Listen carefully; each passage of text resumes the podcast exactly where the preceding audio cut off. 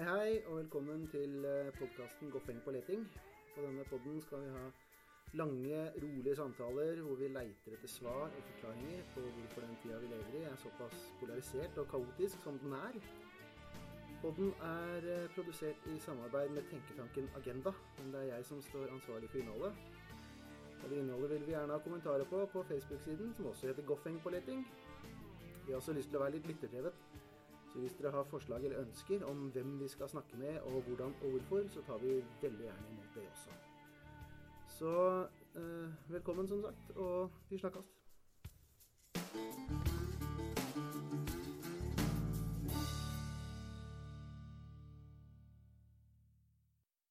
Ja, da var det første episode. Dette har jeg gleda meg til veldig, veldig lenge. Og jeg hadde litt flaks med innholdet, for vi skal ha en liten noen rød tråd som går gjennom en del av disse episodene. Og det er om hva som skjer med sosialdemokratiske partier rundt omkring i Vesten. Og så er det kommet ut en bok som handler om det, som heter 'Sosialdemokrati i en skjebnetid'. Skrevet av Halvor Fine Strettvold. Så jeg måtte kaste meg på muligheten for å snakke med han mens den boka fremdeles var fersk. Jeg syns episoden ble bra, og det tror jeg Halvor syns også. Det tekniske kunne vært bedre. Halvor sitter nemlig i Kina. Så han, ikke bare er lydkvaliteten ikke den beste, men han detter ut for oss noen ganger òg. Fem-seks ganger sånn to sekunder om gangen. Men jeg har bestemt meg for å ikke rydde opp i så mye um, i det. fordi denne episoden blir på en måte både test og pilot og alt mulig rart. Um, for vi har ikke hatt tid til å gjøre noe særlig tester på det. Så dere vil bl.a. høre min uh, uerfarenhet på denne siden av mikrofonen idet jeg leiter febrilsk etter notatene mine nesten så lenge at Halvor nede i Kina går for å kjøpe seg en nudelsuppe, tror jeg. Um, så dere får cutte meg som slack på akkurat det, som de sier i Bergen. Ellers så syns jeg det ble bra, og vi gleder oss veldig Jeg gleder meg veldig til fortsettelsen, så lykke til til meg. Uh, ellers så kunne egentlig den serien her begynt litt bedre for min del, for jeg er veldig veldig B-menneske. Uh, men i dag måtte jeg stå opp veldig tidlig. Grunnen til det er nemlig at uh, han Halvor er en sånn derre guffen, liberal internasjonalist anywhere. Sånne som Slagsmål Vedum ikke liker. Så først så har han da skrevet den boka som jeg tror er en dårlig unnskyldning for å bare få lov til å blafre rundt i alle Europas hippe storbyer. og drikke cappuccino med akademikere og ta selfies med maktmennesker. Eh, og så for å virkelig markere det, så har han flytta etter industrijobbene våre ned til Kina. Bare for å vise hvor internasjonal han er. Og da må selvfølgelig jeg tilpasse meg hans klokke. Sånn er det jo. Så jeg har funnet ut da i bilen på vei hjem at eh, David Goodhart har helt rett. Det er eh, vi stakkars slitere, vi somewheres, vi er nødt til å tilpasse livene våre til det samfunnet som dere internasjonale uh, Anywheres har laget etter egne preferanser. Så hva har du å si til ditt forsvar, Halvor? Først takk for den uh, hva skal man kalle det, vennlige introduksjonen, eller noe sånt. Um, uh, nei, det er jo et, på en måte et poeng at denne um, konfliktlinja uh, som har, det må sies, den har liksom mange forskjellige begrepspar knyttet til seg, som forsøker å, å beskrive litt kanskje litt ulike um, fasetter, men uh, 'Somewhere Anywheres' er vel det som, uh, som, flest kjenner til i Norge, kanskje.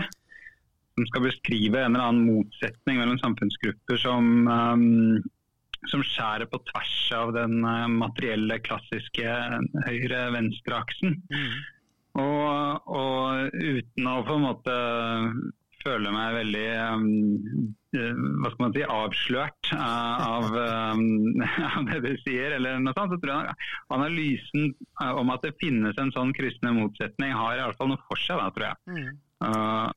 Og, og, det som er min lille sånn um, favorittmåte å beskrive den på, er ikke sant, han David Goodhart, som han heter, som har lagd den 'Somewheres Anywheres'-distinksjonen, snakker jo om at at på den ene siden så er det folk som er rotløse og som kan trives i alle verdens hjørner og, og leve like gode liv i Buenos Aires som Tokyo, som Paris, som Oslo mm.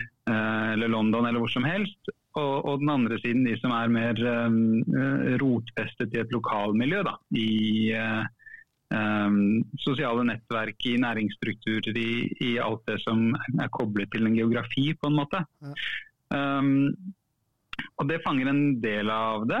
Og så tenker jeg at, uh, at uh, ja, det som er min liksom, take på den, en tilsvarende motsetning, uh, dreier seg om de som på den ene siden har ressurser og kompetanse til å dra veksler på og nytte av um, en verden som blir mer åpen, som blir mer um, full av forandring, som stiller andre krav til fleksibilitet og, og um, omstill omstillingsdyktighet.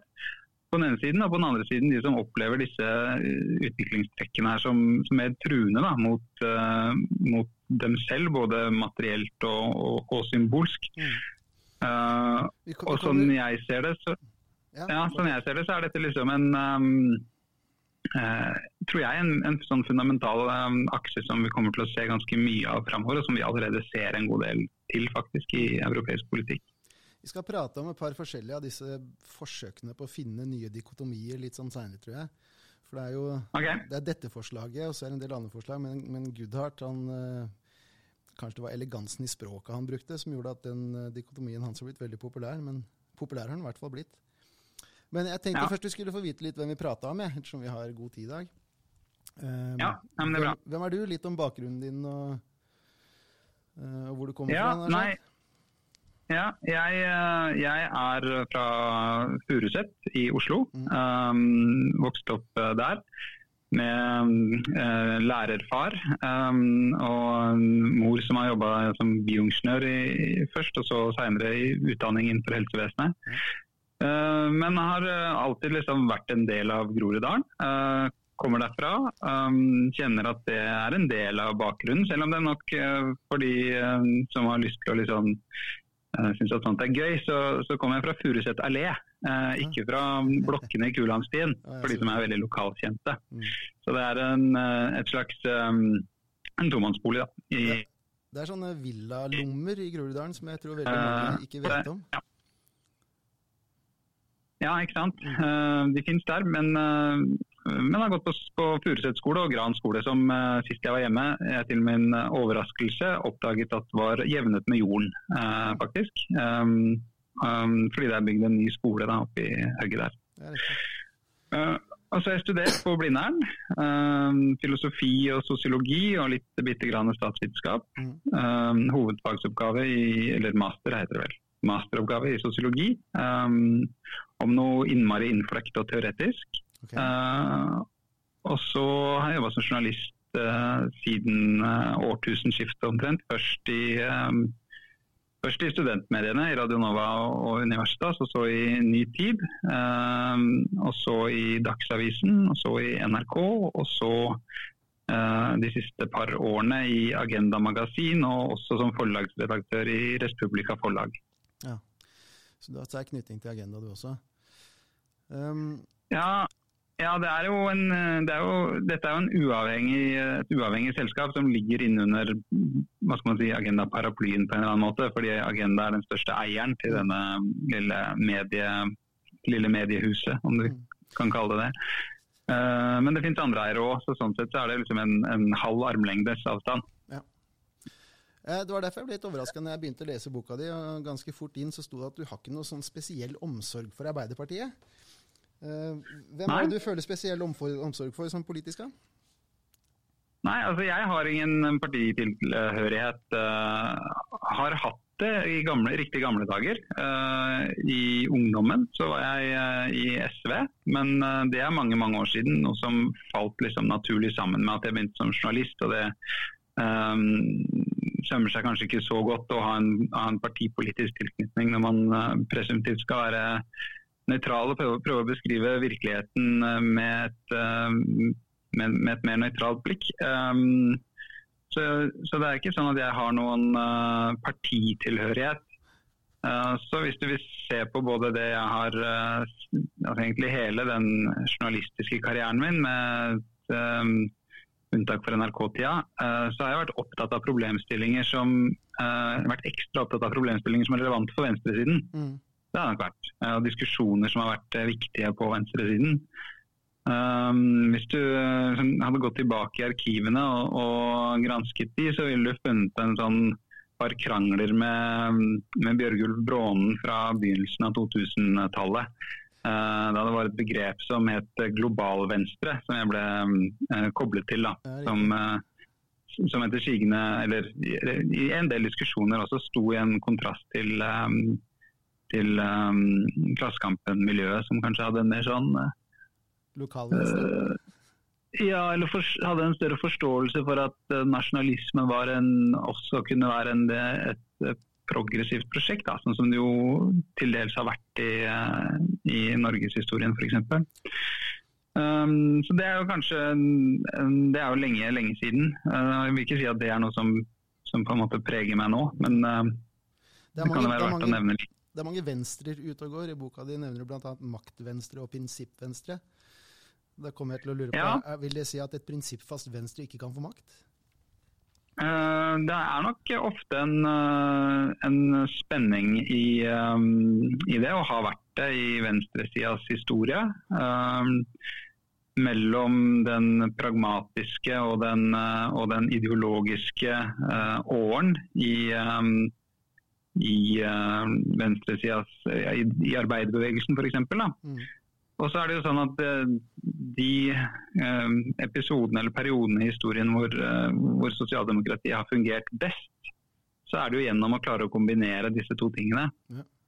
Så det er ingen sånn uoverstigelig motsetning, men en spenning som kan virke konstruktiv når den fungerer godt. Mm. Altså hvor hvor maktimpulsen er helt avgjørende for å få gjennomført ting, og, og, den ideologiske impulsen er avgjørende for å finne ut hva det er man vil gjennomføre. Ja. Um, og I andre perioder så har den snudd seg om og blitt uh, mer til en destruktiv motsetning. og Da har det ofte ført i siste instans til partisplittelser og, og sånn, da, og uh, eventuelt mer av en slags handlingslammelse i partiene. Så Hvis man ser på, ser på venstresidens historie, så tror jeg det er en slags tråd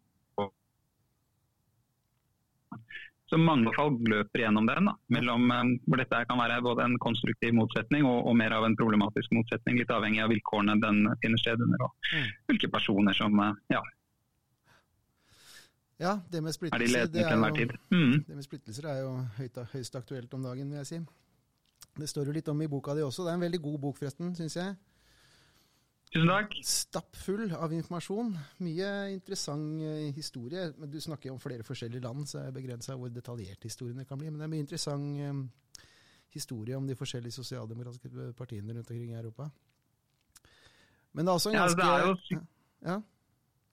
Nei, jeg tenker at Det er jo litt sånn med en, eh, en sånn bok som både skal forsøke å, å yte en slags rettferdighet til de forskjellige kontekstene som er i de ulike landene jeg besøker, og, og det med å prøve å se noen sånn eh, overskridende problemstillinger og, og, og tematikker, så, så, må man på en måte altså, ja, Det gir seg litt selv at man må ha noe historie, fordi den politiske historien i et land er med på å prege vilkårene som også gjelder i dag. Men men hvis man hadde dykket for langt ned i det, så hadde boka ikke blitt på 450 sider, som noen syns er for langt allerede, men på 850 sider. ikke sant? Så man må sette noen, noen, grenser noe sted. Ja, Den tar litt tid. altså Hodet ditt er ganske fullt hvis du leser den boka her litt for fort. Ja, det tror jeg på. Det, det er... Hvis du skriver her nå, så, så er hodet ditt ganske fullt. du har nok brukt litt tid på å tømme hodet etter det, skal jeg tro. ja. Altså, det er god bok, og så opplever jeg at du um, for vi har prata litt før, og en av de tingene som jeg har uttrykt til deg, at jeg er litt frustrert over en del av venstresidens forklaringer på hvorfor det går litt dårlig, i hvert fall med det sentrumsnære venstre om dagen. Det er litt for mye det er litt for mye Vi fikk ikke fram historien vår, og media fokuserte på feil ting. og er litt mer interessert i å liksom finne ut hva venstresiden selv har gjort feil. Da. For jeg føler litt at hvis du hvis du til stadighet eh, taper 100-metere mot en 80 eh, år gammel fyr med gåstol, så er det bedre å titte på eget treningsregime enn å klage på han. Uh, og ja. Det har jeg forstått at du er også litt på den banen der. Prøv prøve å finne ut hva som er ja, altså, feil jeg. Jeg tror, jeg tror i alle fall at det er noen strukturelle utfordringer som, som venstresida må håndtere. Mm. Sosialdemokratiet i særdeleshet og det uh, er alltid sånn at man kan finne mer sånn spesifikke forklaringer slash bortforklaringer knyttet til hvert enkelt uh, valg og hvert enkelt valgnederlag. Vi hadde ikke den rette kandidaten, eller vi var uheldige med, med hvordan mediedynamikken utspilte seg ut, eller um, ja, alle mulige andre sånne forklaringer som ikke er, liksom ikke, ikke er ubetydelige. Mm. Men det er noe med det store bildet her over tiårene, de siste tiårene og over landegrensene, særlig i Vest-Europa, som jeg har sett spesielt på, som tyder på at det er noe mer underliggende og grunnleggende som skjer. Da, og som man i, tillegg til å, å, bli utrolig dyktig til å drive valgkamp og kunne den teknikken til fingerspissene, så bør man kanskje også tenke hva det er med det strukturelle bildet som gjør at det kan være vanskeligere da, å få gjennomslag for sin måte å, å beskrive samfunnet på, samfunnskonfliktene på, og sin visjon på hvordan samfunnsutviklingen bør gå osv. Mm. Eh, det kan jo f.eks. hende at man ikke har en så tydelig visjon lenger, eller at eh, Eh, man ikke har lagt så stor vekt på å, å, få gjennomslag for sin beskrivelse av de avgjørende skillelinjene i samfunnet. Mm. Um, og Da blir det også vanskeligere å forme folks oppfatninger, tenker jeg. Ja. Så har det skjedd et par ting eh, siden boka kom ut også. Jeg så jeg var i går at Nahles gikk av i Tyskland. Ja, det er jo et kan, av de partiene som er i aller størst problemer ja, kan, kan, du, du, du i, liten, i, Tyskland. Du har en liten passasje i boka der med en samtale med henne, et møte med henne. Um, det eh, det syns ja. jeg på en måte uh, beskrev boka ganske godt. Det var en sånn god vinner. Kan ikke du fortelle om, den, om det møtet du overvar der, og hvordan hun eh, prata om da? Jo, altså dette var i Berlin et, en god stund etter forbundsdagsvalget der i september 2017. Dette var helt mot slutten av november, så ca. to måneder senere så var jeg på en, en sånn konferanse som, som, egentlig skulle handle om framtidas arbeidsliv og hvilke utfordringer det stilte arbeiderbevegelsen og sosialdemokratiet overfor. Uh, men uh, akkurat den, konferansen fant sted, så hadde regjeringsforhandlingene på, på borgerlig eller borgerlig-grønn side i, i, Tyskland kollapset. Og dermed så sto landet uten noen, uh, uten noen regjeringsalternativ. Mm. Um, og SPD hadde jo forstått, som, som det sosialdemokratiske partiet i Tyskland heter, hadde jo forstått i etter valgnederlaget i um, september at en sånn storkoalisjon, som det heter, altså regjere sammen med, uh, med det brede sentrum-høyre-partiet, er en veldig vanskelig og potensielt ødeleggende kurs for et sosialdemokratisk parti, fordi det blir så umulig å framstå som et, eh, et eh, reelt alternativ til status quo. Um, og noe som man også erfaringsmessig hadde sett at man led under i Tyskland. Hadde mistet mange prosentpoeng oppslutning uh, de foregående gangene man hadde gjort det. og Derfor så var man så fast bestemt på at nei, det skulle man i alle fall ikke gjøre igjen etter dette valget. Nå skulle man ta um, uh, og komme til bunns i tingene. Um, drive en, en dyptpløyende selvransakelse og, og, fornye både profilen og persongalleriet og strategien og taktikken og det hele for om noen år etter en periode i opposisjon å kunne komme tilbake. Da var tanken.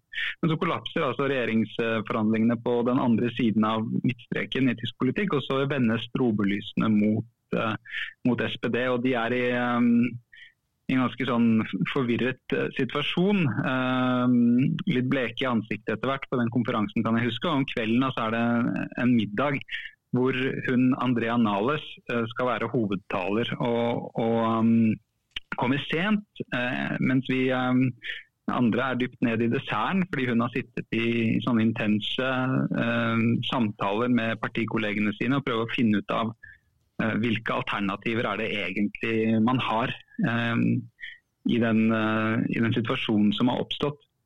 Um, og, og til, til, slutt så kommer hun av, til oss og går opp på talerstolen. og på en måte som jeg sjelden har liksom opplevd med toppolitikere, så blir vi invitert inn i en tvil og en uh, slags sårbarhet som, um, som uh, tyder på at dette virkelig gikk inn på henne. Jeg syns det var veldig sånn, beskrivende og åpnende for, for, å forstå hvor dypt dette dilemmaet skar inn i, inn i um, SPD på det tidspunktet. Um, hun forteller bl.a. Om, um, om at hun i løpet av valgkampen har uh, møtt en, uh, en, lastebilsjåfør som opplever at det har oppstått et uh, nytt press mot, sitt, mot hans liv. Da. Han har sett på TV at selvkjørende biler kanskje kommer og, mm. og, og erstatter sånne som han. Og hun kan jo ikke benekte at det potensielt er, er noe som kan skje. Og, og, så sier hun at hun er på leting etter, etter noen svar. Hun har ikke funnet dem, men hun mener at det haster. Og at det er sånn at hun, hun, er i en posisjon hvor hun burde hatt svar, men hun har det ikke. Um, så det er en ganske sånn Hun er jo også det må jeg si, hun er jo en veldig sånn tydelig skikkelse. Hun har alltid vært en ganske sånn tøff politisk skikkelse. sånn at når nettopp hun framsto i den, eh, den, posisjonen, så var det synes jeg, litt uh, slående. Ja. Hun fikk et innblikk i noen uh, sjelekvaler hos en toppolitiker som ikke er så vanlig. Da. Ja. Og nå, nå har hun trukket seg? Ja, når hun trukket seg. Um, uh, og Det er jo et resultat av, uh, av valget i, uh, til Europaparlament og, og parallelle valget til, um, i Bremen, som er en sånn gammel bastion for sosialdemokrati i Tyskland, som de nå tapte. Mm. Så da var det slutt over og ut for henne også. Og Det hun, hun kan sies om det hun har gjort i sin periode som leder Hun, jo, hun tok jo over etter Martin Schulz, som var den foregående lederen, som på en måte brakte SPD inn igjen i en storkoalisjon mot ganske sterk eh, intern motstand. Eh, og måtte ofre seg selv eh, helt i, i, siste sekund for å få det gjennom.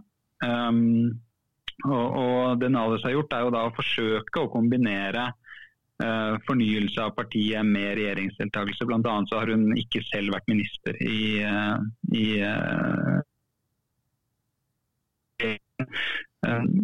og, og har f.eks. Altså har partiet um, tatt initiativ for å reformere uh, sosiale, sosiale, ordninger, sosiale velferdsordninger som i Tyskland er ganske kontroversielle, og som har vært en av grunnene til at SPD har tapt mye i den tradisjonelle arbeiderklassen der, mm. siden Gerhard Schrøder innførte de på, på begynnelsen av 2000-tallet. Mm. Um, sånn at Hun har liksom prøvd å ta de grepene hun har sett at hun har kunnet ta, uten at det da har, uh, har vist seg å virke. Uh, så Da trekker hun seg også tilbake, og det er jo en stor uh, politisk nyhet. Det kan bety at um, storkoalisjonen kommer opp til diskusjon igjen. Det kan bety at Angela Merkel, som har trukket seg som CDU-leder, men sitter som kansler til til den regjeringen er uh, ute av kontorene. Uh, går, uh, at hennes politiske karriere går mot slutten. Mm. Um, og Det blir jo da veldig spennende å se hva slags ny partileder um, SPD klarer å, å, komme fram til. Om det er en til som på mange måter er en del av et partietablissement og står for mye av det samme og fortsetter en kurs som ikke er distinkt nok forskjellig til at det monner, eller om det er en som, som uh, gjør noe, noen tydelige grep, og så er det jo da om de grepene fungerer eller ikke. Det, det er jo ikke sånn at man bare må gjøre noen grep for grepenes egen skyld. Det trenger jo ikke å gå bra, det heller. Nei, Det er det å finne ut hva slags grep man skal gjøre nå. For det er, um, det er så store slitninger inni mange av disse partiene. Um, sånn som franskmennene f.eks. De, de har jo ikke så mye blitt beseiret som om de bare har smuldret opp innenfra, på en måte. Ja, det er jo et, en eh, total kollaps i, i Sosialistpartiet i Frankrike. Det, det, er jo sånn at det alltid har vært en relativt løs sånn uh, idé i det partiet de har, liksom ikke, de har aldri noensinne hatt en sånn kjempesterk um, følelse av at de har et, eh, et, felles prosjekt. Det har vært også en, et verktøy for ulike miljøer og grupperinger som har villet ha ulike presidentkandidater til å bli president i Frankrike. og Sånne ting har med det franske valgsystemet å gjøre. men men man klarte å, å holde, det, holde, det, sammen på en eller annen måte. Da. Um, helt fram til, um, til Hollands periode som, uh, som president, hvor det, hvor det, begynte å sprekke opp. Og så har jo siden det partiet egentlig bare løst seg opp i sine bestanddeler. Ja. med den ene gruppen etter den andre som har, som har gått ut og, og startet sitt, uh, sitt eget prosjekt. Da. Um, så de uh, klarte jo uh, ikke å reise seg noe særlig i Europa, Europaparlamentsvalget, kanskje et, et, prosentpoeng opp eller noe sånt siden, siden parlamentsvalget i um, 2017, men ikke noe mer enn det. Så, så det ser jo mørkt ut for, for de franske sosialistene. Ja. Mildt sagt. Det gjør det. Det er et par andre land som jeg liksom frykter at det der skal skje. Altså den oppløsningen Jeg, jeg, jeg aner f.eks. ikke helt hvordan Labour har klart å holde seg sammen i England lenger. For det virker på meg som om gruppene i Labour er så totalt forskjellige. Med social justice det, det henger jo sammen, ikke sant? Ja, men det henger jo sammen med det britiske valgsystemet igjen òg. Altså, um, igjen en grunn til at man må på en måte uh, se bak bare de, de um, rene resultatene og, og analysere litt grundigere hva som rører seg i politikken i de forskjellige landene. Og ta hensyn til sånne ting som at valgsystemene er forskjellige og sånn, for, for, å se hva, hva, som er den underliggende historien. da. Mm. Um, og, og, i uh, Labour så er det jo som du sier en, en helt ekstremt sterk motsetning mellom de uh, hva skal man si, det gamle New Labour og det nye New Labour, om du skjønner hva jeg mener. I, inni Labour har du grupper som syns at alle andre grupper i Labour er rett og slett onde. På en måte. Så det er litt vanskelig. Ja, og, og, og de, de, de, ser jo på hverandre som, som onde, så å si. Um, um, det er jo en, en av de tingene som, som, slo meg da jeg reiste rundt i Storbritannia, som, eh, eller reiste rundt i Storbritannia, er å ta i. Jeg var rundt i London, mm. Eh, så jeg skal ikke skryte på meg mer enn jeg ja, faktisk har gjort. Ja, ja, du holder deg på kosmopolitisk hovedstad. Sånn er det. Nei, men for, for ordens skyld. Sånn liksom, men, men, her, det er mange forskjellige Labour. Ja.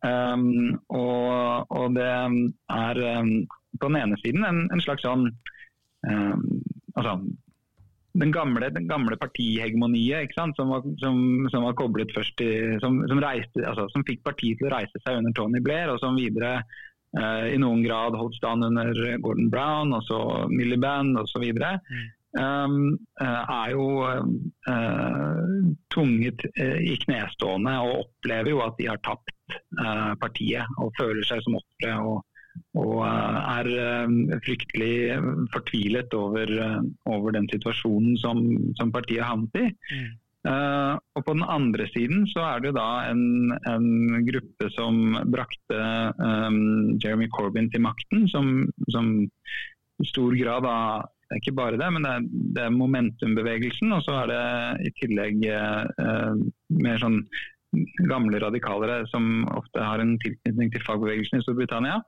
Um, og, og, det som um, I hvert fall i deler av, dette, i deler av baklandet til Jeremy Corbyn, så er det en, en slags hva skal man si, beleiringsmentalitet. En opplevelse av at de er under konstant kryssild fra mm. konservative aviser og politikere på den ene siden, og en intern femtekolonne som ikke aksepterer at de har tapt, men som hele tiden fortsetter å skite i eget reir, sånn som de ser det. Sånn at um, ja, den, den, motsetningen der er ganske um, intens, men sånn som det ser ut nå, så, så, er det jo ikke uten videre noe tegn til at uh, det gamle regimet i Labour skal komme tilbake med det første. Um, snarere så er det andre motsetninger som på en måte har åpnet seg opp i, i, i Labour. og De, de strekker, trekker skillelinje tvers igjennom um, um, gruppene som støtter Jeremy Corbyn. Mm. Og Det fremste eksempelet på det er jo hva skal Labour mene om brexit. ikke Ja. Jeremy Corbyn har jo sluppet føttene etter seg det spørsmålet og ikke ville ta tydelig stilling, fordi han vet at på den ene siden så har han eh, fortsatt en viss oppslutning i sterke leave-områder, og han vil ikke fremmedgjøre såkalte Labour leave-velgerne. Eh, på den andre siden så har han ganske mange av de som faktisk støtter han, som er beinharde eh, anti-brexiteers, altså som vil fortsette å, å, ha en eller annen form for tilknytning til Europa, og helst ser en ny folkeavstemning med Remain som et av alternativene. Mm. Det, det, føles noen ganger når man ser på de partiene her, eh, både i England og i Frankrike og flere andre steder, som om altså For sosialdemokratiske partier har på en måte vært en, en koalisjon både her og der. Det føles som om de koalisjonene rett og slett ikke er holdbare og naturlige lenger, liksom. Um, på mange måter. Og, det, og det, det, det, er noe med Noe annet som går igjen flere ganger i boka, det er folk som prøver å være moderate, men de lykkes ikke helt. Jeg leste f.eks. om han um, i, um, i, uh, i Catalonia uh, så var det en der i Cetas i PSC som prøvde å lage en sånn liten mellomvei. Uh, han, ja, han ville ut av Spania, men han ville ikke gjøre det på den måten som de rabiate skrikhalsene ville. Uh, og sånne mellomløsninger ser ikke ut til å funke lenger på noe som helst nivå, liksom. Og det er jo i midten sosialdemokratiske partier liksom lever, da. Uh, altså, vi, mens polarisering på, på alle temaer i hele Europa har blitt så voldsomt. Mm, jeg tenker, Det er nok ikke riktig å si at alle politiske temaer er blitt, uh, blitt umulige å kompromisse i, men mm. flere og flere er blitt vanskelig å kompromisse i. Mm. Jeg ser det på denne måten her. Um, Sosialdemokratiet har alltid vært en koalisjon av uh, ulike grupper som har funnet sammen rundt liksom én sentral idé mm. om at man hadde noe felles. Det man hadde felles, var en, eh, en posisjon i, det, i, økonomien. Man var, man, var, lønnstagere. Mm. Man var lønnsarbeidere. Man var ikke sjef. Ikke sånn litt grovt fortalt var det det som var eh, kjerne, kjernen for, for sosialdemokratiet. Og så um, har det jo alltid vært andre konfliktlinjer i, i samfunnet som har, som har, på en måte utfordret um, det um, privilegiet det er å, si at, uh, å, å definere hva som skal liksom, bestemme meningsdanningen til folk. Mm. Og Det sosialdemokratiet historisk eh, gjorde, var jo å si ok, men i alle disse andre litt sånn vanskelige sakene som kommer og forstyrrer det som er hovedsaken her, så får vi lande på et kompromiss. Ikke sant? Mm. Vi får prøve å finne en mellomposisjon som gjør at alle kan være sånn noenlunde fornøyde. Um, og, og samtidig på en måte opprettholde at, um, at, den egentlige konflikten som vi skal uh, snakke om og tenke på, er, er den um, skatt eller velferd, skattelette eller velferdkonflikten, på en måte. Um, arbeidstaker mot sjef, vanlige folk mot rikfolk og, og, og sånne ting. Da. Og, og, og, Det um, som, uh, som, ser ut til å ha skjedd for meg, er at det dukket opp en lang rekke sånne ulike saker der hvor det å prøve å gjøre alle fornøyd, ender opp med å gjøre ingen fornøyd uh, med deg. Um, der hvor kompromisset går fra å være en styrke til å bli nærmest en svakhet, en belastning. Um, og Det handler jo om at det er andre former for konfliktdimensjoner som på en måte har tvunget seg fram i folks bevissthet og, og blir lagt mer vekt på av større grupper, og dermed får um, tyngre liksom, Har mer å si i, uh, i meningsdanningsprosessene i, i samfunnet. Da. Og Da stiller jo det sosialdemokratiet overfor en sånn dobbelt utfordring. fordi På den ene siden så er jo da denne, den tradisjonelle måten å angripe det på, nemlig å søke kompromiss, eh, blitt vanskelig. Og så er det neste spørsmålet ok, skal man da ta stilling og velge den ene framfor den andre siden i disse, eh, langs disse konfliktlinjene. Og Det man eh, jo vil oppleve da, er jo at man kanskje vinner noen, eh, men samtidig taper andre grupper og velgere. Og, og, Dermed så blir det plutselig veldig krevende å få til en eh, få til 40% eller 35% eller og i det hele tatt å vokse igjen i noe betydelig grad. da. Det blir vanskelig så lenge det er sånn. Ja. Det er... Uh, så er det, en, ja, det var en dimensjon til ved det som, som bare, det var det første du sa som jeg ble sånn fristet til å, å, si et par ord om. og det er at um, uh, Vi går gjerne rundt med en forestilling om at dette var dritlett i gamle dager. Um, uh, og det var nok lettere på noe vis og sånn, men, men jeg tror jo at det alltid har vært ganske vanskelig. Men at det sosialdemokratiet historisk var ganske gode til, det var å jobbe veldig aktivt med å få folk til å se på verden på en bestemt måte. Mm. Og få de til å tenke på denne materielle konflikten som den avgjørende og, og bestemmende for deres politiske selvforståelse. Mm. Um, det tror jeg var en, eh, en uh, sosialdemokratisk uh, kunstart som de behersket til fulle i mange tiår. Eh, og også klarte å fornye i tråd med at uh, omverdenen endret seg og nye grupper dukket opp. og Samfunnet ble, gikk fra å være et sånt klassisk industrisamfunn til et kunnskapssamfunn, et informasjonssamfunn og tjenestesamfunn. alle disse tingene. oppstår nye grupper, og man må jobbe med dette på nye måter. Men man, man fortsatte da med det. Uh, og klarte det i varierende grad på forskjellige steder, selvfølgelig, men, man, men i ganske stor grad. Og så tror jeg da at uh, den kunsten man har gitt litt slipp på. Man har liksom glemt litt å revidere og fornye og, og, og, og lage da en sånn, um, en sånn fortelling for, uh, for, vår tid. Dette henger nok også sammen tror jeg, med 90-tallet, altså, hvor man på en måte opplevde at uh, sånne store fortellinger var bare tull. og, det eneste, som, det eneste det handlet om, var å peke ut de um, Eh, aller viktigste vippevelgergruppene som man kunne tippe den ene eller den andre veien. og sånn. Jeg tror også um, at, at, store deler av den økonomiske venstresida på en måte mista både fotfeste og selvtillit på en måte etter at muren falt. Det er en analyse som ligger der som sier at når muren falt, så var det høyresiden økonomisk som klarte å graspe til seg den seieren på en måte, og si at dette var, det, dette var det vi som vant, det var kapitalismen som vant dette her, det var ikke blandingsøkonomiene som vant det. Uh, og det ga grunnlag for en sånn voldsom kraft i disse mantraene til Reagan og Thatcher. Og sånt, og at det var der på en måte sosialdemokratisk økonomi og den sentrumsnære venstresidens økonomiske ideologi på en måte krympa og ikke klarte å stå imot. Jeg har veldig stor sympati for den uh, analysen der. Jeg tror det skjedde veldig mye akkurat der. Mm, um, Mista selvtillit, rett og slett. Ja. Um jeg tror det er um, en sånn side ved det, at, uh, som du er inne på. Altså at um, uh, det var uh, kapitalismen som vant den kalde krigen. Og, og, da hadde man på en måte ikke um, Ja, da, da, var det på en måte et uh, ikke noe alternativ å legge seg etter den. Men så var det også en veldig sånn optimistisk tidsånd som la seg over verden på det tidspunktet hvor det som skulle liksom utløses, var jo bølger av kreativitet etter hvert som folk kunne reise fritt og, og ha kontakt med hverandre. Og en evig økonomisk vekst ettersom globaliseringen liksom tiltok. og, og skulle, Man tenkte ikke på at den kanskje ikke kom alle til gode i like stor grad, og sånn, men, men, det var jo en sterk sånn optimisme i, um, i, i tida.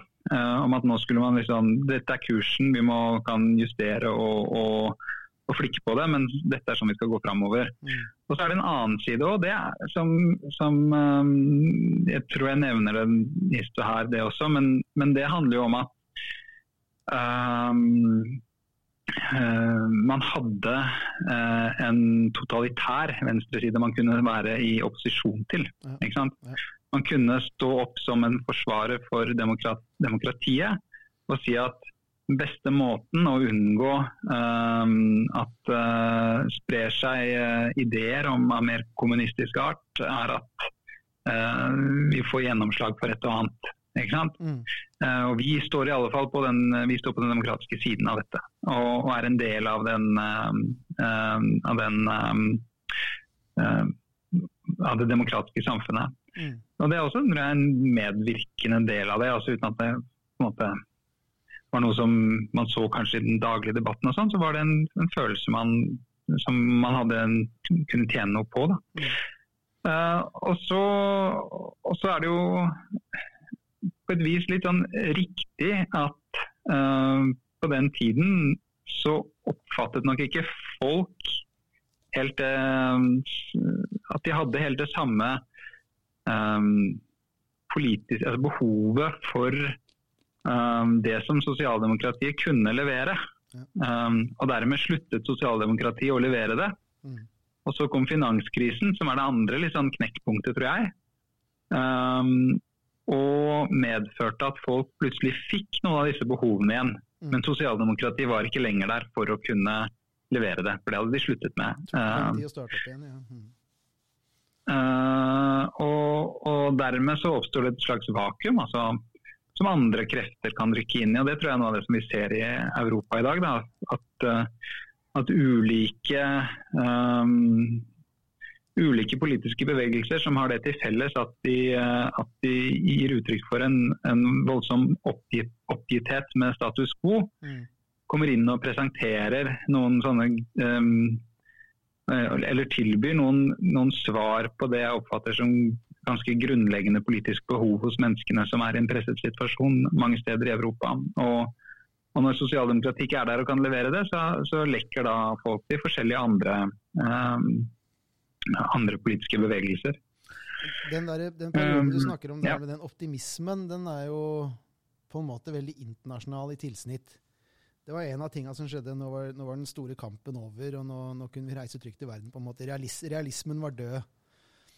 Um, og da, Der også ligger det vel en kime til litt av problemet til sosialdemokratiet, sånn som jeg oppfatter det. Um, for det handler veldig mye om fellesskap, og det handler veldig om en følelse av tilhørighet. liksom. Den litt sånn kommunitære utgangspunktet som sosialdemokratiet har.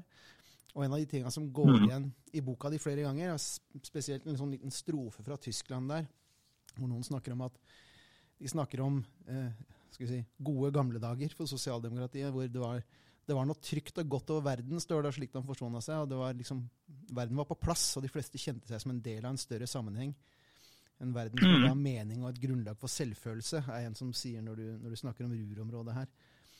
Eh, ja. det er, og det er vel internasjonalismen, globaliseringen, som på en måte har brutt sammen den der, er det ikke det? Man, man, føler seg ikke trygg på stedet sitt lenger, hvis man er av den typen. Hvis man er en av Goodwins somewheres, da.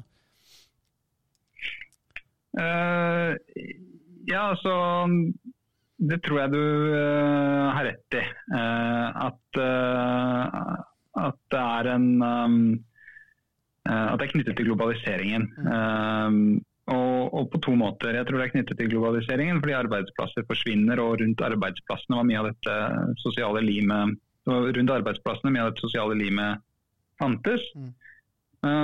og så tror jeg også at migrasjon har noe med saken å gjøre. Altså Man ser at lokalmiljøet på noen måte virker fremmed og, skummelt og, og ubehagelig. Um, og så, men Det jeg har vært litt opptatt av når jeg har skrevet den boka, er å prøve å liksom pakke opp da, så langt jeg på en måte kan klare, men prøve å pakke opp og forstå hva, hva er disse menneskelige mekanismene og dynamikkene som oppstår um, når noe sånt skjer. Um, og Det som jeg liksom har kokt det ned til, er tre grunnleggende politiske behov. og Det er behov for um, Som, som sosialdemokratiet var ganske gode på å levere historisk, uh, som de kanskje sliter mer med å levere nå. og Det er behovet for uh, å forstå uh, sin situasjon. Altså få et språk som man kan bruke til å forklare hvorfor man opplever en frustrasjon f.eks. Få et begrepsapparat, en måte å tenke på, et rammeverk som gjør at at det blir forståelig det som skjer med en. Um, at man får satt det inn i en slags sånn um, sammenheng. Um, og Det andre er det som du var inne på, nemlig uh, tilhørighet til et fellesskap. og det tredje er Eh, det å, å, se en uh, lovnad om en forbedring, altså en visjon om et annet samfunn, noe man vil oppnå, skal, um, en retning man skal gå i, ønsker å gå i. Mm. Um, og tro, en tro på at, på at, ting kan bli bedre. Um, og dette var jo, sånn jeg tenker på det, det sosialdemokratiet mer enn noe annet liksom klarte å, å uh, levere i, til, til, folk historisk, da, som de nok uh, dessverre mange steder ikke er like gode på å, å levere i dag. Og, og, dermed også igjen tilbake til dette med at det oppstår et slags sånn tomrom som andre kan, kan, rykke inn i. Det tror jeg er, er en nøkkel til for, forståelsen her. Um, ja. Ja, den, den, der, altså, for den også dukker opp et par ganger, uh, hvor man sier at altså I boka di i forskjellige land hvor man sier at sosialdemokratiet har uh, liksom lagt grunnlaget for sin egen failure ved sin egen suksess. At det på en måte ikke er noe mer igjen å gjøre. at man har lykkes såpass godt at, at, at, å drive den samme progresjonen videre på en måte er umulig. Så det blir, det blir litt tomt for oppgaver, på en måte. Ja, det er nok ikke tomt for oppgaver, men det er mye vanskeligere å vise det fram. fordi Hvis man tenker i de lange historiske linjene, i hvert fall, så var det jo en ren, uh, ren undertrykking, nød og utbytting av folk uh, som gikk på liv og helse løs, og som, som alle kunne se. Fillete barn som jobber i gruvene, det er ikke bra, liksom. Det, det er mulig å, um, ønske seg en forbedring for de uh, barna. Um, og så vi ikke, liksom, har vi ikke helt de samme eh, forholdene i, uh, i, dag, men det er nok eh, nye problemstillinger som, som, man bør gripe tak i. Og det er jo ikke sånn at man på absolutt alle liksom, områder har marsjert helt til endepunktet av hva man kan tenke seg av eh, f.eks. det som sosialdemokratiet alltid har vært opptatt av, nemlig å løfte Eh, oppgaver eh, fra det individuelle til det kollektive planet, for dermed å gjøre individet friere til å ha råderett over sin tid og sitt, eh, sin, sin hverdag osv. Det er ikke sånn at det på alle områder er uttømt. Um, snarere er det lett å tenke seg tre-fire-fem eksempler på, på, steder der hvor det ikke er uttømt, men, men, det er blitt ganske vanskelig å se for seg at de sosialdemokratiske partiene som virkelig tar uh, tydelige reformsteg lenger. Og det, det uh, er jo kanskje noe av det som, som, gjør at mange sliter med å se hvordan de rent faktisk er svaret på å bevege seg videre i uh, den marsjen mot, mot, et bedre og mer humant samfunn da, som sosialdemokratiet jo egentlig er, skal holde på med. For sånn Rent økonomisk um, så er vi jo ganske bortskjemt, på en måte. Og det er, ikke, det er, ikke, bare det at vi ikke tåler at ting går litt ned, men vi tåler ikke engang at det går saktere framover, føles det som noen ganger. Og det er jo, blir jo eh, vanskelig ja. å oppnå. Jo da, det, det er, det er uh, sikkert uh, delvis noe i det også. Um, men jeg tenker jo, altså bare for å være konkret på det jeg sa i stad, så tenker jeg altså f.eks. Um, uh, tennene er ikke en del av helsebegrepet i sånn forstand at du får dekket tannhelse på samme måte som du får dekket helse når det gjelder alle mulige andre deler av kroppen din. Mm. Um, utdanningssystemet er gratis, men uh, i hagen er det fortsatt en egenandel. Uh, det er ikke sånn at Barnehagen kanskje er det aller viktigste vi har fått i makspris, men kunne man beveget seg videre. Um, hva med det som ser ut til å bli en av de store utfordringene på samfunnet framover, nemlig og, og, sørge for at folk er i stand til å tilegne seg nye, eh, nye kunnskaper og ny kompetanse, og til å omfavne det og like det også i voksen alder framover. Er det ikke sånn at vi burde eh, se på mulighetene for å lage et, uh, et storstilt prosjekt for etter- og videreutdanning, og kanskje kalle det noe annet og mer spennende? Videreutvikling av liksom, mm. ja, um, av folk. da.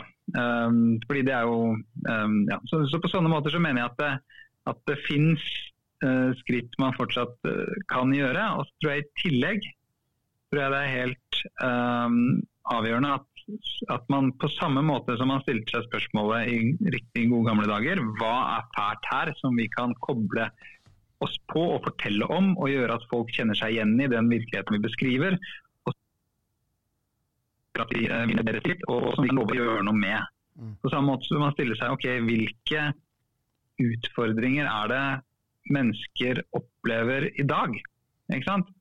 Um, uh, som kanskje er noen andre, som, som uh, kan kanskje være mer uh, han, han, mer preg av å, å, å, dreie seg om psykiske lidelser, kan være ensomhet, kan det være um, um, ja, psykiske helseplager av ulike art. Sånne ting. da. Mm. Mangel på reelle relasjoner i, in real life, som det heter. Um, det er i hvert fall sånn at man bør begynne, begynne å tenke på å snakke om litt, uh, litt hva er det uh, man skal fikse. Mm. Ikke sant? Hva er det man vil fikse? Jeg, jeg tror vi er i en sånn situasjon at uh, jeg tror ikke du skal så langt tilbake til før, før det var helt åpenbart hva man måtte fikse. Uh, mens de tingene du snakker om nå, tannhelsetjeneste, helt gratis barnehage f.eks., det er liksom ikke sånne uh, det, er, det, er ikke, det, er ikke, disse temaene livet ditt uh, står på, på en måte. Mens går man lenger tilbake, så var disse kampene mye tydeligere. Ja. Og jeg, jeg, tror det har skjedd veldig mye der med, med spesielt folkebevegelsene på venstresiden, som jeg har studert i noen år og skrevet både bachelor og master om. Eh, hvor man eh, til en viss grad er nødt til å leite etter nye kamper som kanskje ikke er der, på en måte. Jeg tror, jeg tror det var Roger Scruton, jeg er ikke helt sikker. Men det var en eller annen konservativ filosof borte i England som, som sammenlignet dette her med St. George in Retirement Syndrome. Eh, når, ja. når, han titta mm. på folkebevegelsene. fordi at eh, St. George var den store dragedreperen. ikke sant? Det var hans identitet. Mm. Um, men hva gjør du da når du har drept dragen, og du er dragedreper? Da må mm. du finne mindre og mindre drager å drepe, og rope høyere og høyere om det for hver gang. Og til slutt så er du nødt til å begynne å drepe sau og påstå at det er drager. Og i hvert fall rope høyt om det. Jeg tror veldig mye av dette her har skjedd med flere av de sosiale bevegelsene som har ankeret sitt på venstresida. Og det er også et problem, tror jeg, for venstresiden til en viss grad. Vi ser det spesielt i USA og England. Det er ikke så mye av det her enda, men jeg tror det kommer. Um, for det, de, kampene var så mye tydeligere, og det var mye lettere å bygge store koalisjoner for dem, ikke sant? sånn som Civil Rights Movement og den svære arbeiderkampen og sånt. Men nå er det litt sånn mer ja, spesialinteresser. Mm. Samtidig så er du i ferd med å oppstå nye problemstillinger. ikke sant? Men som som um, um, den tradisjonelle arbeiderbevegelsen til nå har hatt litt problemer med å, um, um, å, angripe på en måte som gjør at man kobler seg på de gruppene det gjelder. Um, det er også dette i, i, mindre grad i Norge foreløpig heldigvis enn andre steder. Men, men problematikker knyttet til det som heter prekariatet. Altså løsarbeidersegmentet i mange uh, samfunn. Noe av det som skjedde med finanskrisen rundt omkring i Europa, var jo at mange mistet faste, trygge jobber og, og har endt opp med å tilby sin, uh, sin, arbeidskraft, men på midlertidige kontrakter, eller til og med som kontraktører, altså som selvstendig næringsdrivende som blir leid inn da, for å gjøre egentlig helt um, altså jobber som tidligere var, eh, var gjort av fast ansatte. Um, og, og, så har du liksom Uber-problematikk, du har sant, Amazon Du har mange deler av plattformøkonomien, nyøkonomien, um, hvor det gjenoppstår en del problematikker sånn, på en ny måte. Um, som gjør at det, det er ikke sånn at alt gang for alle. Det er sånn at, det er sånn at vi har problemstillinger som, eh, som, som, på nytt og på nye måter kommer til overflaten. Ulikhetskrisen f.eks. Mm. Um, som man bare ikke helt har funnet det, tenker jeg, da, et, et helt godt språk å snakke om på ennå, eller en måte å forholde seg til på ennå, som gjør at man får knyttet også disse gruppene til seg. Mm. I noen tilfeller så er det jo også faktisk um, denne utfordringene. Noen, noen, motsetningsforhold mellom disse nye gruppene og de, og de tradisjonelle gruppene som, som, ligger i arbeiderbevegelsen. Det, jo, det må man finne måter å, å komme forbi. da. Mm. Men jeg vil, jeg vil, litt tilbake til den der internasjonal, internasjonaliseringen. for det, er en annen ting som går igjen I flere forskjellige land, i flere forskjellige kapitler i boka di her. Og det, det, slår meg veldig. Det er en av de tingene som sies at politikere egentlig ikke kan gjøre noe særlig. Italia er den som snakker om dette her. Hvor, han, hvor du skriver at den moderne venstresiden i Italia har uh, liksom funnet ut at det er helt umulig å stanse de store økonomiske, sosiale og kulturelle transformasjonene i vestlige samfunn.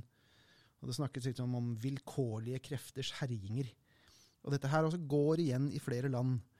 Og jeg legger det til en veldig stor grad på den voldsomme optimismen som kom etter muren, og internasjonalisering og grensene skulle bort. Jeg tror mye av det handler om at altså EU er en veldig god idé, men jeg, jeg, klarer ikke å se noe europeisk demos, på en måte. Og det er vel ingenting annet som er mer avhengig av et felles demos enn sosialdemokratiske partier.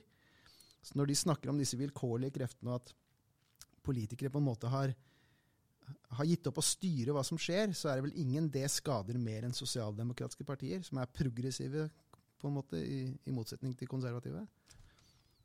Og som i så stor grad har en tro på politisk styring som, som grep. Som, ikke sant? Altså, ja. I, ja, jo, jo, jo, større grad sosialdemokratiet jo større grad sosialdemokratiet eh, aksepterer at det er en masse ting man ikke kan gjøre noe med, mm. Eh, jo, jo, mer rammene vil det være for sosialdemokratiet, fordi det da vil framstå som, som uhyre handlingslammet. Mm. Um, og, og, da vil man jo, Hvis det er sånn da, at man uansett ikke kan gjøre noe med det, så vil man jo kanskje f.eks. tenke som så, som var tilfellet i Spania. Um, ikke denne gangen, for nå vant sosialdemokratene igjen, men, men, uh, men tidligere. Uh, da uh, Rajoy vant med Partido Popular, at eh, i etterkant av, av krisen hvis vi først må spare penger, så har vi større tro på at uh, de konservative vet hvordan vi skal uh, snu på skillingen, enn at uh, um, spendingpartiet PSO skal, skal, klare det. Så det, det paradoksale i at Arbeiderpartiene ikke gjorde større Eh, innhogg etter finanskrisen eh, tror jeg ligger mye i det at man aksepterte eh, den nyliberale innstramningsmedisinen som svar på finanskrisen. Og Det er omstendigheter som det for et ansvarlig parti er nesten umulig å, å komme unna. fordi det er jo helt sant at hvis man Eh, hvis man ikke strammet inn, hvis man ikke liberaliserte arbeidslivene, hvis man ikke liksom gjorde det som kreditorene krevde, så ville sluttresultatet vært mye høyere arbeidsledighet, mye større sosiale problemer. Eh, så omstendighetene var på en måte av en sånn art at det kanskje ikke var noe, eh, var noe valg, men så sluttet folk å tro på at det var litt bedre at sosialdemokratiet kuttet enn at de konservative gjorde det. Um, um, og de, de, sa vi, vi aksepterer ikke omstendighetene lenger. Um, vi vil ha noe annet. Um, så det, ja, det er et, um, tror jeg er et um, gjennomgående trekk da, i, i, mange av de, særlig de landene som har vært ganske hardt rammet av finanskrisen. At, uh, og det ser man jo alt liksom fra uh, det er noen år siden nå. så nå kommer det jo, det, Europeisk politikk skifter jo ganske fort. Um, og må sies, men, men um, Podemos i Spania og Syriza i Hellas er et resultat av at de tradisjonelle sosialdemokratiske partiene ikke klarte å stå opp med et ordentlig alternativ til, uh, til den austeritetspolitikken som ble ført til kjølvannet av finanskrisen. Uh, og så har jo de fått fått forsøke seg eh, på å si ja, men vi kan få det til. Vi kan omforme trykket nedenfra i samfunnet til reelle politiske endringer som, sånn som sosialdemokratiet gjorde historisk. Nå er det vår tur til å prøve på det, og så har de fått prøve seg i fem år. Og så har de kanskje ikke levert så mange resultater. Altså, nå har jo både Podemos i Spania og Syriza i Hellas øh, uh, hatt en betydelig tilbakegang i uh, oppslutning. Um, i de siste valgene. I Hellas ble det vel til og med nå utlyst nyvalg fordi uh, Syriza gjorde det så dårlig i europaparlamentsvalget. Mm. Um, så det ja. Til, til og med så dette, til og med dette skifter jo litt, grann, men uh, mm. Til og med seirene Men uh, tilbake du, til det du Du sa at spanjolene, der har, jo, har jo sosialdemokratene vunnet, men 28,3% var det ikke det? Ja, det føles jo det føles jo mest ut som de vinner fordi motstanderne deres skyter seg selv i foten med et større kaliber enn det sosialdemokratene gjør, på en måte. Ja da, men du må huske at uh, Spania er en veldig interessant uh, politisk historie der. Men, det pleide jo å være et rent topartisystem det i, i de første tiårene etter, etter diktaturets fall. Um, og egentlig helt fram til, um, til årtusenskiftet, hvis man ser bort ifra da Eh, til etter årtusenskiftet, hvis man ser bort fra regionale partier, har de alltid hatt, men liksom de store nasjonale partiene har vært to. Konservativt og et sosialdemokratisk. Og så Nå er man i et fempartisystem i Spania med, med, et liberalt parti som ligger, li, ligner litt på Macron. Og så har man et um, venstrepopulistisk parti i Podemos som ligner på Syriza. Og, og så har man uh, da fått uh, dette høyrepopulistiske Vox nå som det siste. Mm. tilskuddet til partifloraen der, da, som fikk en oppimot 10% Men det som slo meg som eller rundt 10% det som slo meg som interessant i det du, det du sa, som jeg tenkte jeg skulle kommentere også, var det med EU. Um, som, um, som, er en um, Eh, et eksempel på hvor vanskelig dette har blitt. Fordi på den ene siden så er det sånn at mange av disse eh, områdene som, eh, som, folk opplever at, eh, at um, treffer dem i deres liv, er knyttet til spørsmål som ikke kan håndteres lenger på i hvert fall ikke særlig enkelt, i hvert fall ikke uten å liksom trekke seg ut av, um, av, det hele på nasjonalt nivå. Man er liksom avhengig av av EU for å eh, altså skattlegge tech-giganter, eh, gjøre noe med klimakrisen, eh, få migrasjonen til, til, ikke å bli en så stor utfordring for mottakerlandene, fordele byrdene osv.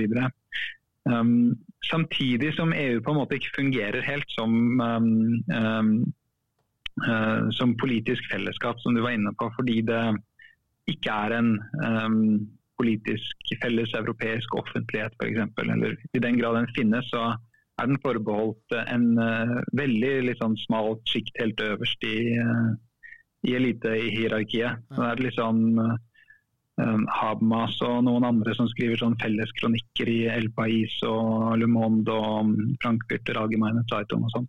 Uh, og, og um, ja, så det er jo en, en, en veldig stort stor utfordring da, å finne ut av hvordan altså, Kan EU på noen måte bli det verktøyet som man, eh, som man ønsker at det skal være?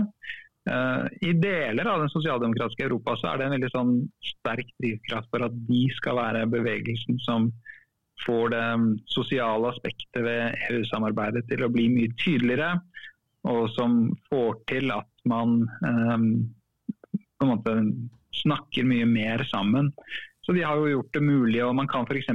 hvis man er borger i Jeg tror til og med man kan gjøre det som nordmann, men man kan i hvert fall gjøre det som EU-borger. Så kan man melde seg direkte inn i det sosialdemokratiske partiet på EU-nivå. hvis man har lyst til det. Jeg vet ikke hvor mange som har gjort det, men det, det skal være mulig.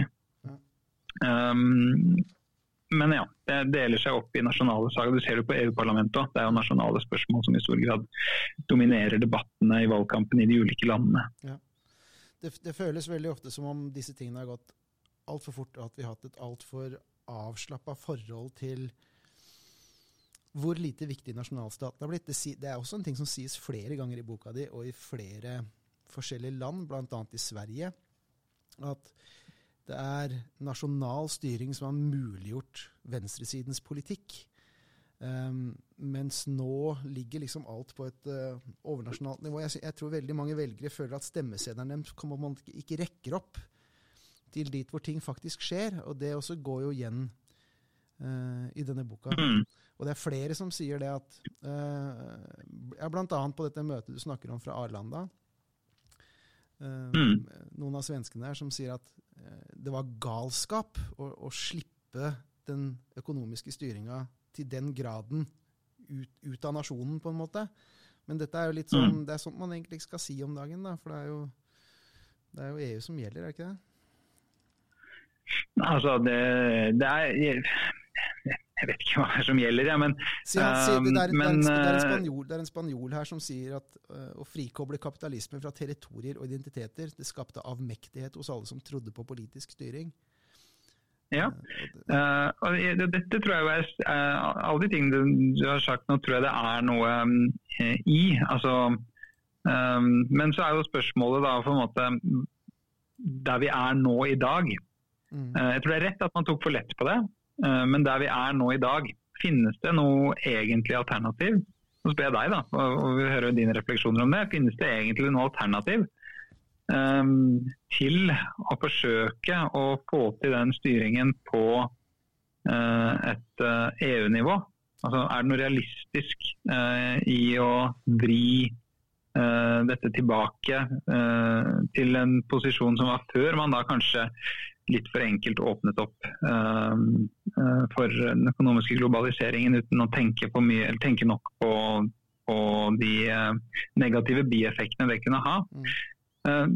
Det synes jeg det er alltid litt sånn lett å se i etterkant at det var noe vi ikke tenkte på gjennom disse årene av den prosessen. Og da liksom, Davos-konsensusen om at det det handlet om var frihandel og, og bombe Afghanistan sånn at jenter kunne få gå på skole.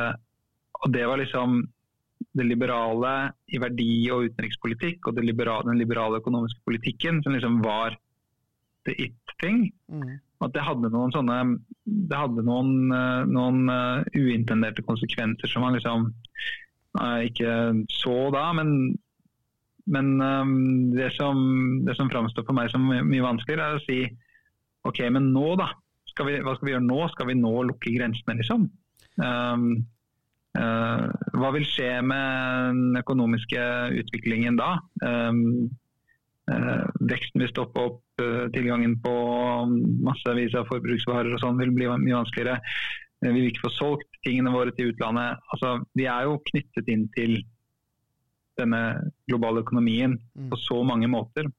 Og Dermed tenker jeg at i dag så er det eh, mest nærliggende å forsøke å få de institusjonene som da tross alt er nærmest å kunne ha noen effektive, eh, effektive virkemidler for å bøte på de negative bieffektene av det. Mm.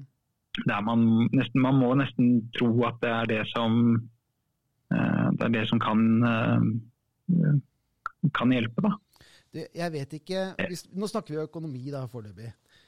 Og jeg, jeg, vet ikke i hvor stor grad det bare er et noe alle er overbevist om på automatikk. At det ikke er mulig å innskrenke økonomisk eh, samarbeid over grensene lenger. og den frihandelen. Dette vil jo kanskje engelskmennene vise oss litt. da hva som kommer til å skje der når de til slutt går ut. Hva slags uh, effekter det har, og om og om det er som remainerne sier, at verden kommer til å rase sammen, eller ikke.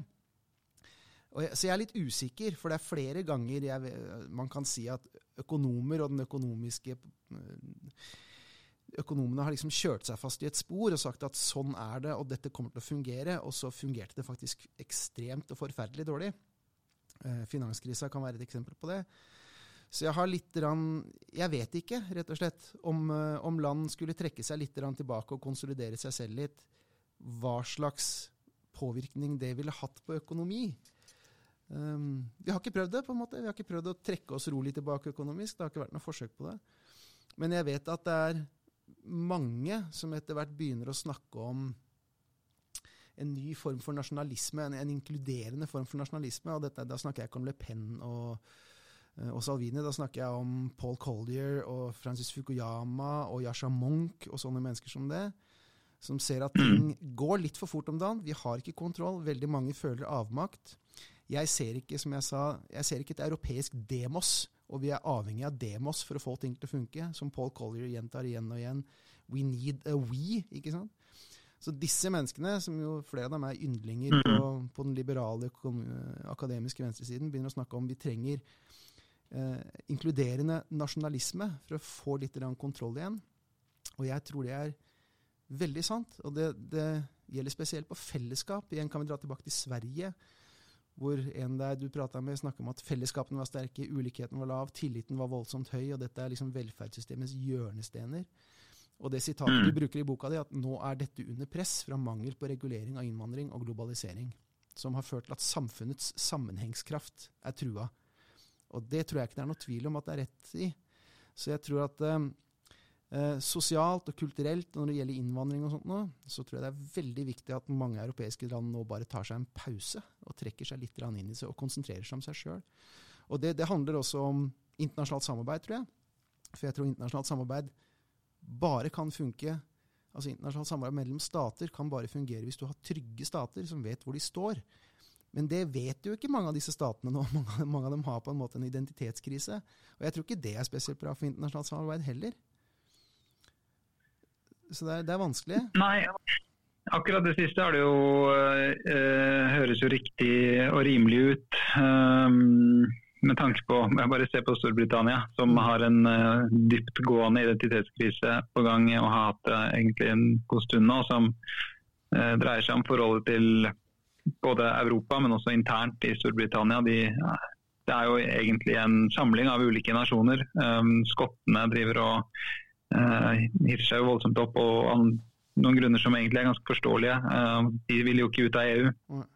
Um, føler seg ikke ivaretatt i forhandlingene mellom London og Brussel osv. Så, um, så der kan det jo komme en ny, um, en ny, folkeavstemning rett og slett i løpet av de neste årene. Um, men det som, det som gjør at jeg nøler egentlig ganske mye til uh, det du sier, det er at jeg, er, uh, jeg frykter at det skal vise seg vanskelig å lage et Eh, funksjonelt, operasjonelt skille mellom den formen for eh, nasjonalisme som du snakker om, som kan være progressiv og som kan, eh, som kan bøte på noen av de problematikkene, og den, den nasjonalismen som, um, som uh, vokser fram mange steder i Europa nå, og som er av en mye mer ubehagelig uh, karakter. Mm.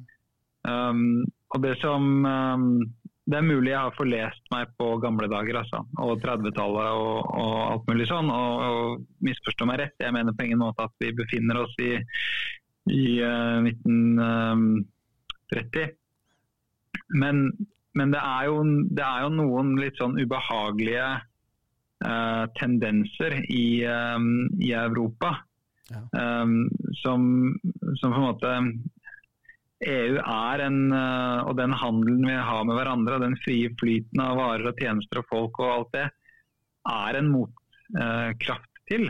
Og straks Storbritannia trekker seg ut, Frankrike trekker seg ut, eventuelt hvis eh, Marine Le Pen kommer i, til makten der, hvis, hvis motsetningen mellom Brussel og Roma spisser seg til rundt disse økonomiske forholdene og flyktningkrisen, kan Italia finne på å gjøre noe. Altså, vi, vi, snakker jo her om en verdensdel som gjennom århundrene har, uh, har det med å um, uh, skyte med kanon på hverandre. Mm. Ikke sant?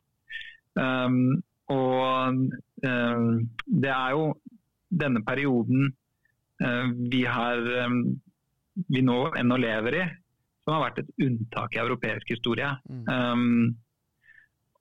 Og det Um, tenker jeg da at, uh, at, det er et unntak som slett ikke um, med nødvendighet vil vare. Snarere så hender det jo at man har denne litt ubehagelige følelsen av at, uh, av at etterkrigstiden er slutt. Um, og, og, og, da blir jo det neste spørsmålet hva kommer etter etterkrigstiden. Mm. Uh, og det er vel sannsynligvis da en ny, en ny førkrigstid. Altså, jeg mener ikke å si at det er der vi er, eller at vi er på vei dit med nødvendighet, men jeg bare sier at det, uh, det finnes en del um, ubehagelige tendenser i europeisk politikk um, som kan gjøre en bekymret. Mm. Um, bare ta, dette, ta, denne knivringen mellom Frankrike og Italia f.eks. Ja, uh, hvor Frankrike uh, jo sliter med sitt eget interne, sin egen interne sosiale de har mange hvor italienske regjeringspartiet, Femstjernebevegelsen, knytter an til og støtter eh, de gule vestene, som utløste sterke protester fra Paris. På den ene mm. siden, altså ganske hard diplomatisk strid. Og så leste jeg her om dagen, og dette kan jeg ikke så mye om, eh, men, eh, men det var interessant. Det dreier seg da om um, Libya. Um, hvor det viser seg da at i den eskalerte situasjonen i Libya, så har Italia og Frankrike plutselig allierte som står på hver sin side og skyter da med italienske og franske våpen på hverandre. Mm -hmm. ikke sant? Eller penger, jeg sa. Allierte på hver sin side av en konfliktlinje der i Libya. Sånn at det er jo på en måte um, Det er jo ikke sånn at Det er så lett å, å tenke, da. Jeg merker sjøl på meg selv også at jeg tenker det uh, ofte. At det er, helt, sånn, det er helt urealistisk å se for seg at ting kan gå til helvete igjen. Eh, men det er, ikke, det er, jo ikke, sånn at eh, de ikke kan det. det kan. Um, men, det men det er litt problem der. er fordi du sier at, at fri flyt og fri handel og, og, bort med grenser og sånn er en motvekt mot det. Men jeg føler også at det er, det er en årsak til det. Ja. ja. Det er det, og det er ikke det er, det er, pendel, det er en pendelsving her, på en måte. Man, man trenger ikke å svinge mm. den pendelen helt tilbake til Nazi-Tyskland, liksom. Og jeg tror det er der Yasha Monk og Paul Collier og disse er, at vi, vi, er nødt til å se at pause. Det er hastigheten det er noe feil med her. Ikke målet, på en måte. Jeg tror vært jeg tror mye hadde vært gjort også hvis man, hvis man gikk fra altså, det, Dette er litt sånn banalt, men, uh, men, et bilde som av og til brukes. og det er jo at um, vi, vi, trenger ikke å, vi skal ikke nødvendigvis trykke i bremsen i bånn, men vi må gripe rattet og ta kontroll over, uh, over utviklingen. Og Det er det som jeg konkluderer med i boka også, er at, at ta kontroll over transformasjonene er liksom som et sånt råd til, til sosialdemokratiet rundt omkring i Europa. Og, og, med det mener jeg at man må vise um, at man kan styre um, utviklingen. At man har vilje til og, og virkemidlene til å uh, gjøre det ikke til vilkårlige um, ting som bare skjer, men som noe som er underlagt en politisk kontroll og styring, og som man dermed kan, kan være med på å bestemme ved å stemme i valg. Um, Uh, og Det er jo liksom også å gi en beskjed til, til velgerne da, i, rundt omkring i europeiske land om at, um, om at politikk nytter igjen. Uh, om at man har um, viljen til å ta grep.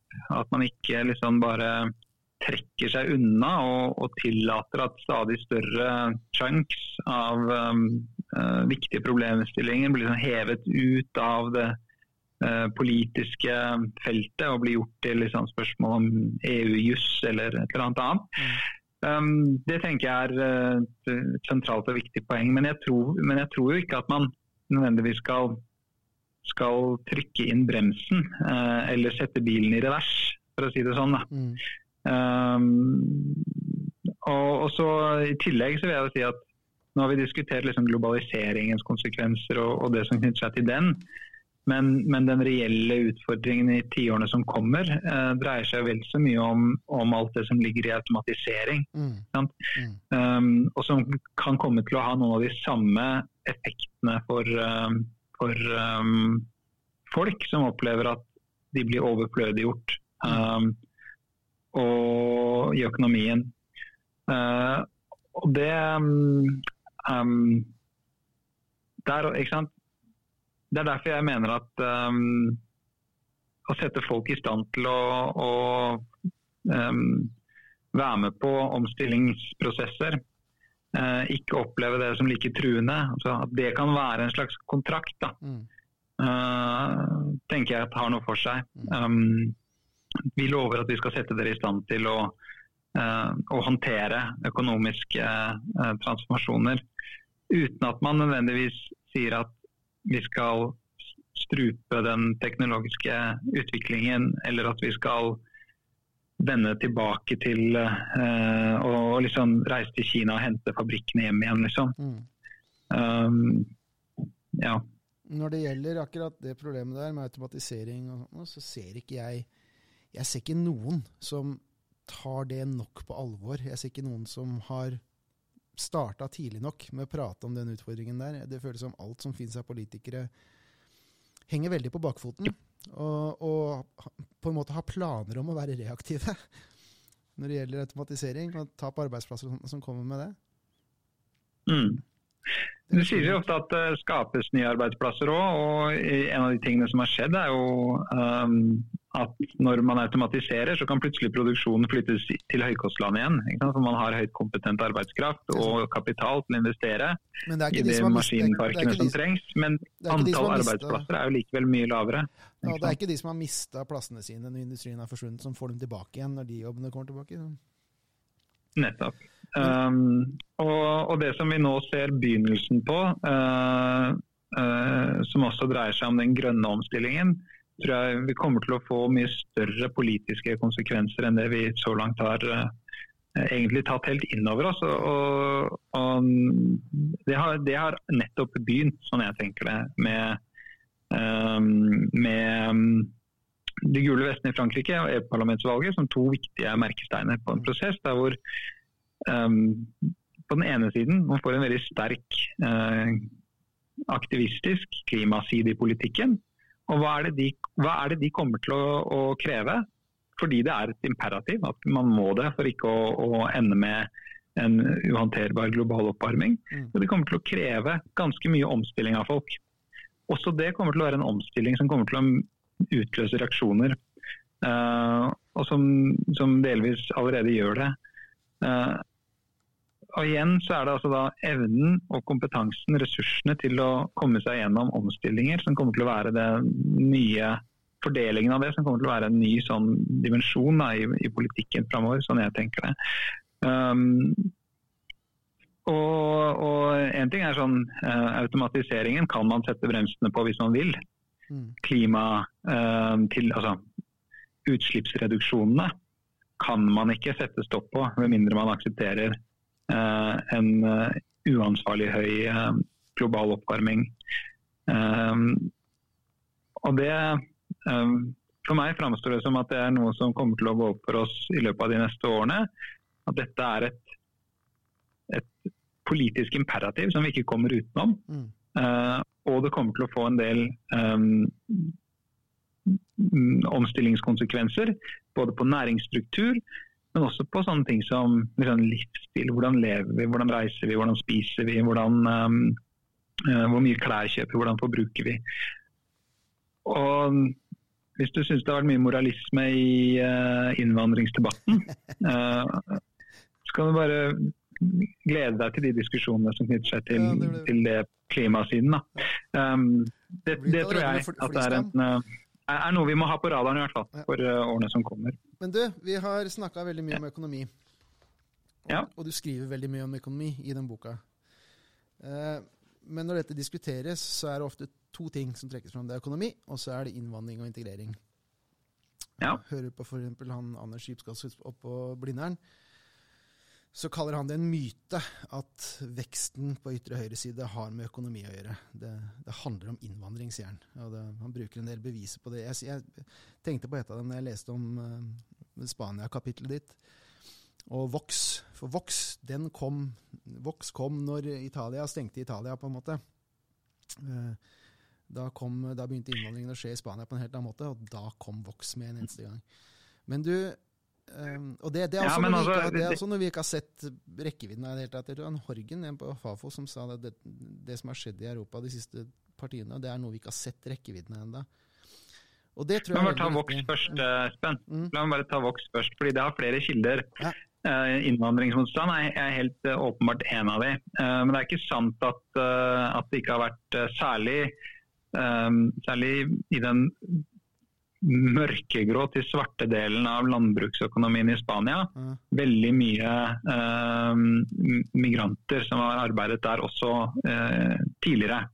Det er ikke helt sant at det på en måte er um, det, at, det at Spania tok imot et skip som uh, italienerne ikke ville ha til havn uh, i Valencia, uh, like etter at den populistiske regjeringen hadde tatt makten i Roma. som liksom kan forklare hele, uh, hele framveksten av Vox. I tillegg til det faktum at det har vært uh, en del innvandring der uh, også historisk, så, så, er det jo det at um, Vox oppstår som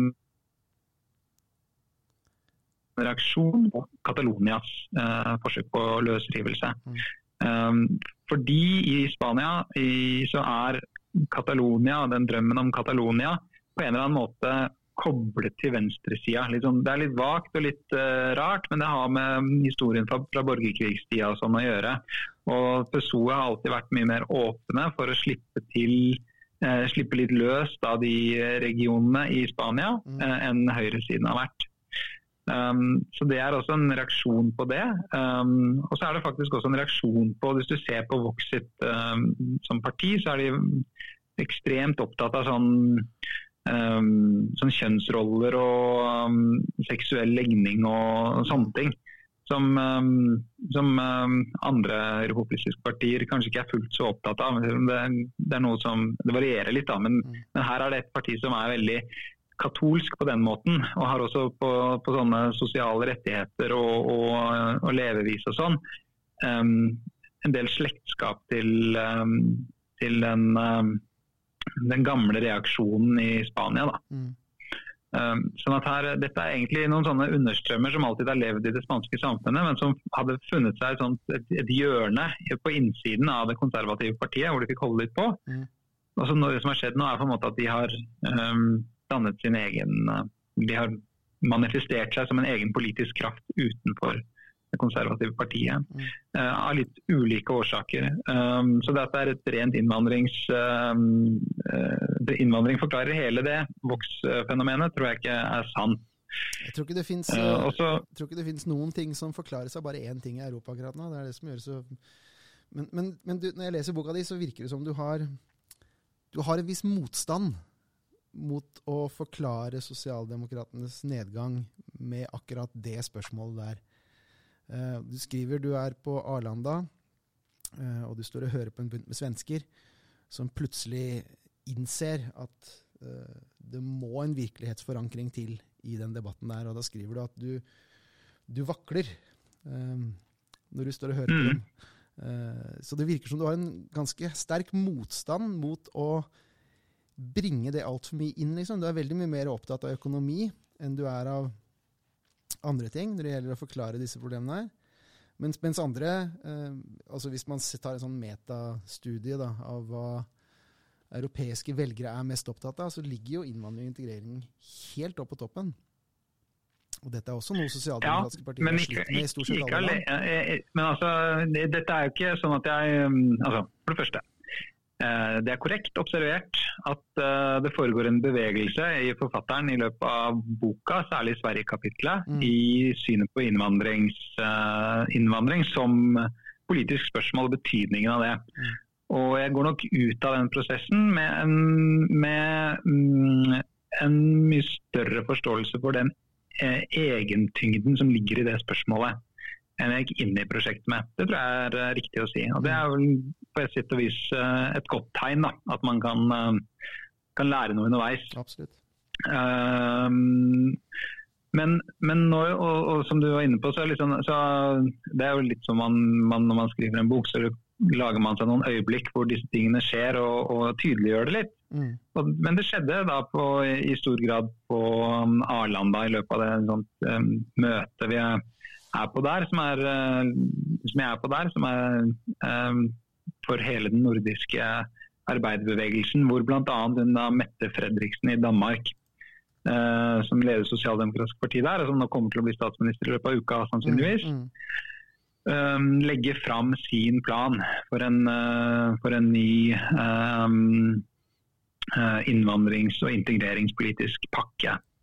Så er det også samtidig da, sånn at Sverige, som er, så, som er det landet jeg på det tidspunktet befinner meg i, jo har hatt de erfaringene med migrant, migrasjonskrisen i 2015 som de har hatt.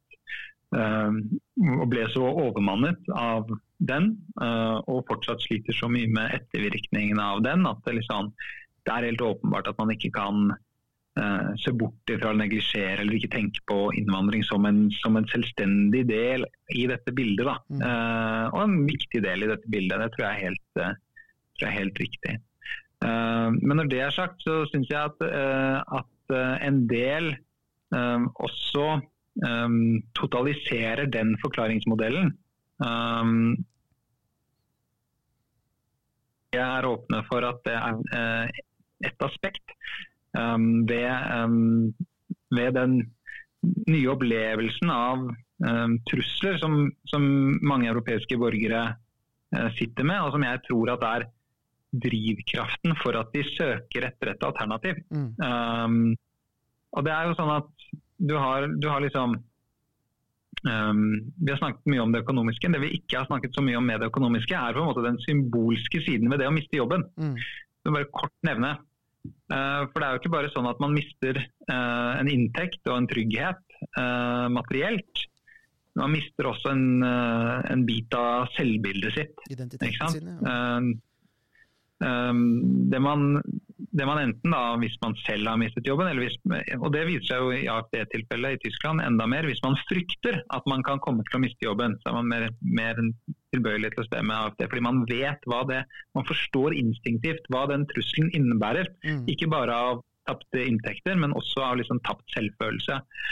Um, Uh, og, og, og, tilsvarende så er det vel også med, med, innvandringsdebatten at hvis man skal prøve å lukke det opp, da, hva er det som oppleves som truende med, uh, med det, så er det vel en, en, sånn følelse av at man taper um, uh, Den gruppa man selv tilhører, taper på en måte et, et privilegium i det geografiske området som man kjenner som sitt, hvis man skal si det litt skjematisk. Um, og det er klart at Disse tingene de legger seg jo ikke det er jo ikke to isolerte ting. Dette er trusler som liksom legger seg oppå hverandre, sånn jeg tenker det. Um, og så blir det forsterket av en sånn opplevelse av at de bekymringene man sitter med, de blir ikke tatt på alvor av noen som sitter og bestemmer mm. uh, inne i hovedstadene, og som snakker om oss på en måte som om vi var problematiske moralsk, og, og som snakker om oss som om vi var liksom a basket of deplorables. Mm. Og så forsterker disse mm, stemningsbølgene og motsetningene seg. Så for, for, meg så er det jo ikke sånn at disse tingene uh, nødvendigvis skal skilles fra hverandre så tydelig som, som, det av og til legges opp til, men det er, det er fasetter her av, av, en ny form for utrygghet og usikkerhet som, som går på både materielle og symbolske uh, sider ved, ved, tilværelsen, og som, som, frambringer de reaksjonene vi har sett mange steder. Da. Og så er det nok sånn at ja, jeg er ikke sikker på om det er det med Altså Hvis du leser f.eks. Uh, ting som blir skrevet fra områder som, er, som har gått gjennom en enorm forandring de siste åra, så er det ikke det, Man får ikke følelsen av at jeg hadde makt før, og nå har jeg det ikke lenger. Det er mer en følelse av at nå er min verden borte, på en måte. Um, jeg har lest uh, folk som skriver ut av uh, steder i Sverige, f.eks. Rosengård og sånt, og jeg har lest folk som skriver ut av Molenbeek. Det er, det er en gåtur, forresten, hvis du er i Brussel en gang. Gå fra Grand Plass til Molenbeek. Det er ikke lange turen, men det går på en måte fra én verden inn i en annen. De to verdenene mm. har ikke så veldig mye med hverandre å gjøre. Og når du, mm. når du Resten av boka di, det, det, er mye her om fellesskap, og det er mye her om endringer man ikke får styrt, og det er mye om politikere som sier dette her må du bare godta, for jeg får ikke gjort noe med disse endringene. Og når du da merker at he, her har jeg vokst opp, og det er ikke, det er ikke her lenger, det er ganske grunnleggende, tror jeg veldig mange opplever det. Og du, du har vært litt rundt i sånne forskjellige uh, du har vært rundt på forskjellige steder hvor, uh, hvor, det var industri før, men ikke er det nå lenger. Og Det tror jeg er veldig viktig å se, men det handler om økonomien. liksom. Men du har ikke vært i Mollenbeck, og du har ikke vært i Luton, og du har ikke vært i banlieuene der og i Nørrebro og sånne steder som bare har kulturelt og nærmest sivilisatorisk bare blitt noe helt annet enn det var i løpet av veldig veldig kort tid. Um, så jeg lurer på Hadde, hadde boka tjent, vært tjent med å ta litt mer av det der? For jeg, jeg syns jeg merker en sånn motstand i det, liksom. Um, ja, altså det, det, er jo Det hadde det, det hadde det sikkert vært, hadde sikkert vært fint å ha med et par sånne steder i boka. Det tror jeg du har um, i og for seg rett i. Um, og det kunne jeg jo eh, ha gjort hvis jeg hadde hatt eh, Hvis jeg hadde prioritert annerledes. Og noe av grunnen til at jeg liksom, i utgangspunktet ikke prioriterte det, er at eh, altså, jeg reiser jo til områder hvor høyrepopulismen er veldig sterkt til stede. Um, hvor innvandringsmotstand er en av de drivkreftene for veksten til høyrepopulisme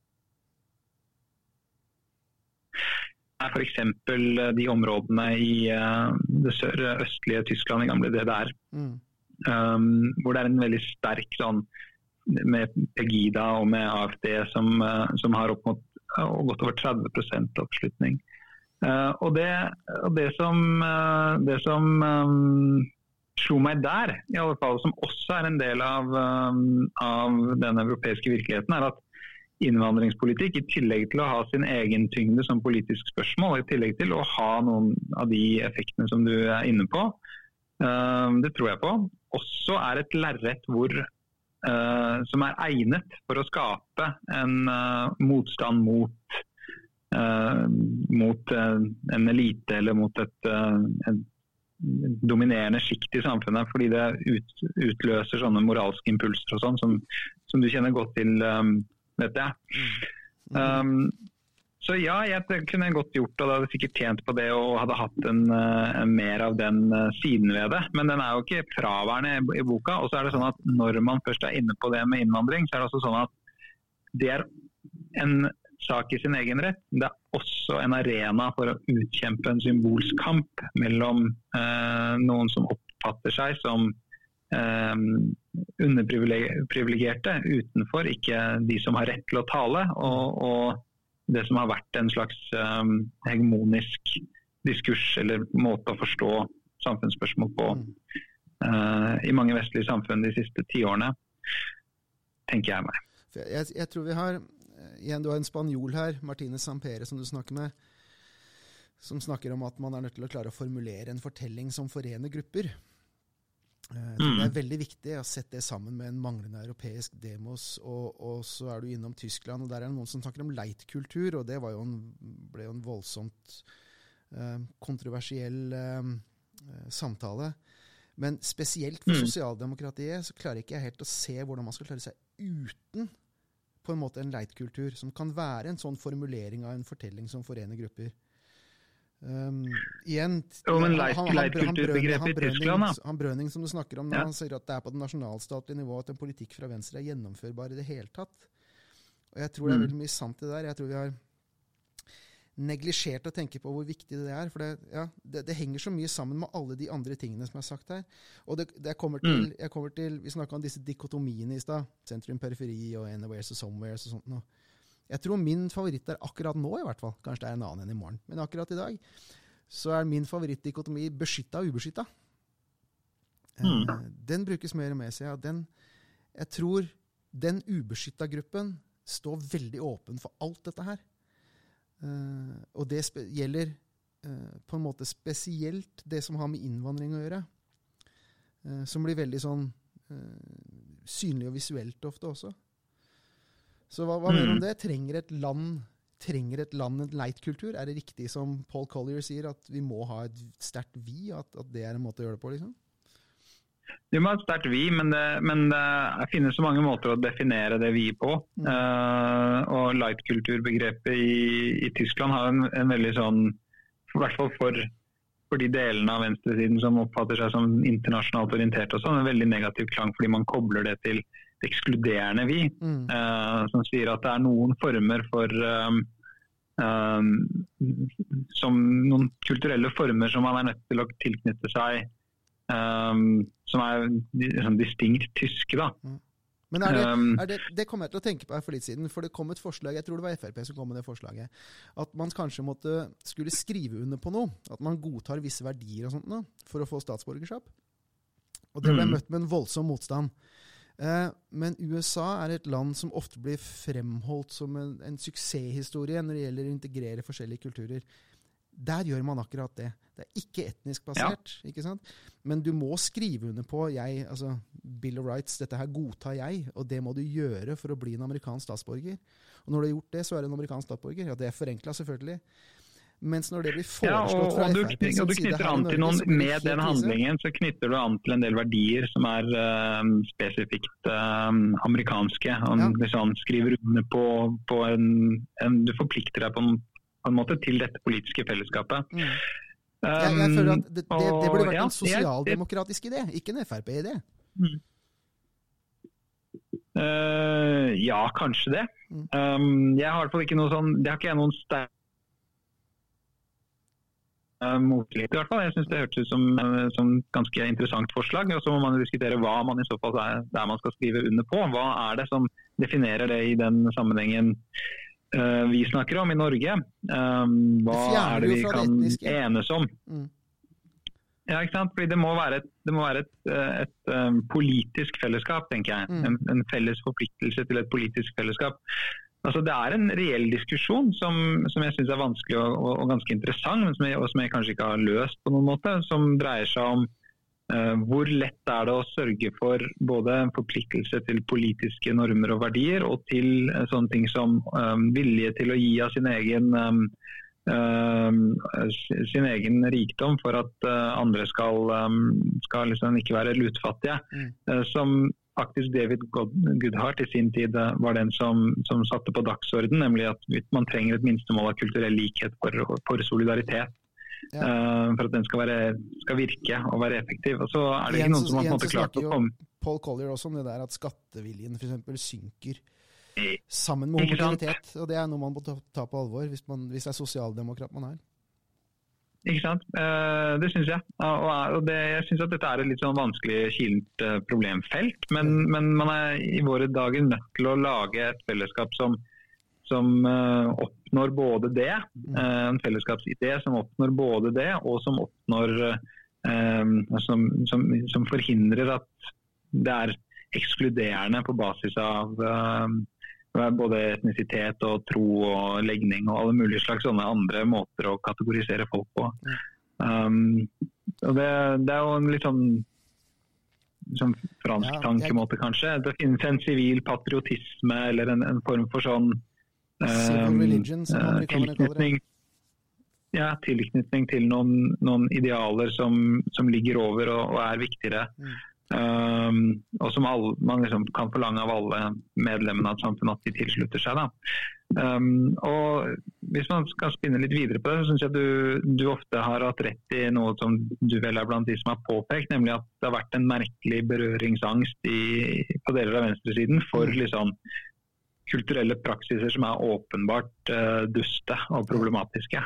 Um, og som, som, litt sånn misforstått har, eh, har, dreid seg om at man ikke vil tråkke noen, noen på tærne.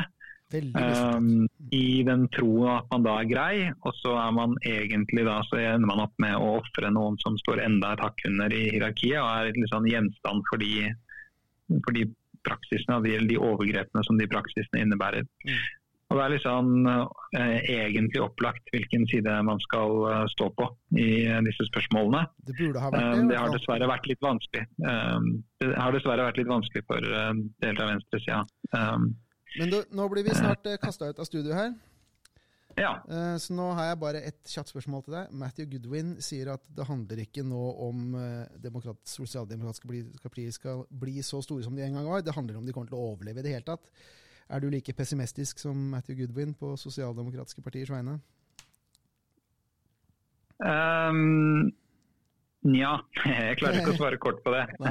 Eh, jeg ser at det er, i noen land så er det en i noen land er det en helt reell problemstilling. I andre land så er det mer, mye mer å tære på. Da, fordi man har mye sterkere eh, forankring i sivilsamfunnsorganisasjoner og i, i, fagbevegelse og sånne ting. og Dermed er koblet mye tettere på hverdagslivene allerede.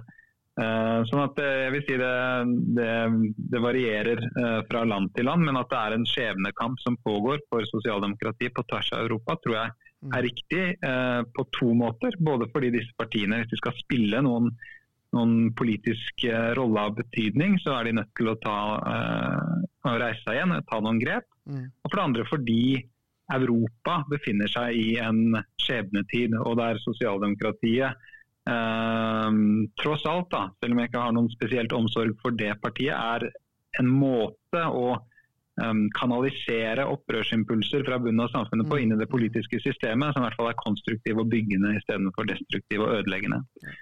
Um, så på den måten så um, tenker jeg at uh, man befinner seg i en skjebnetid.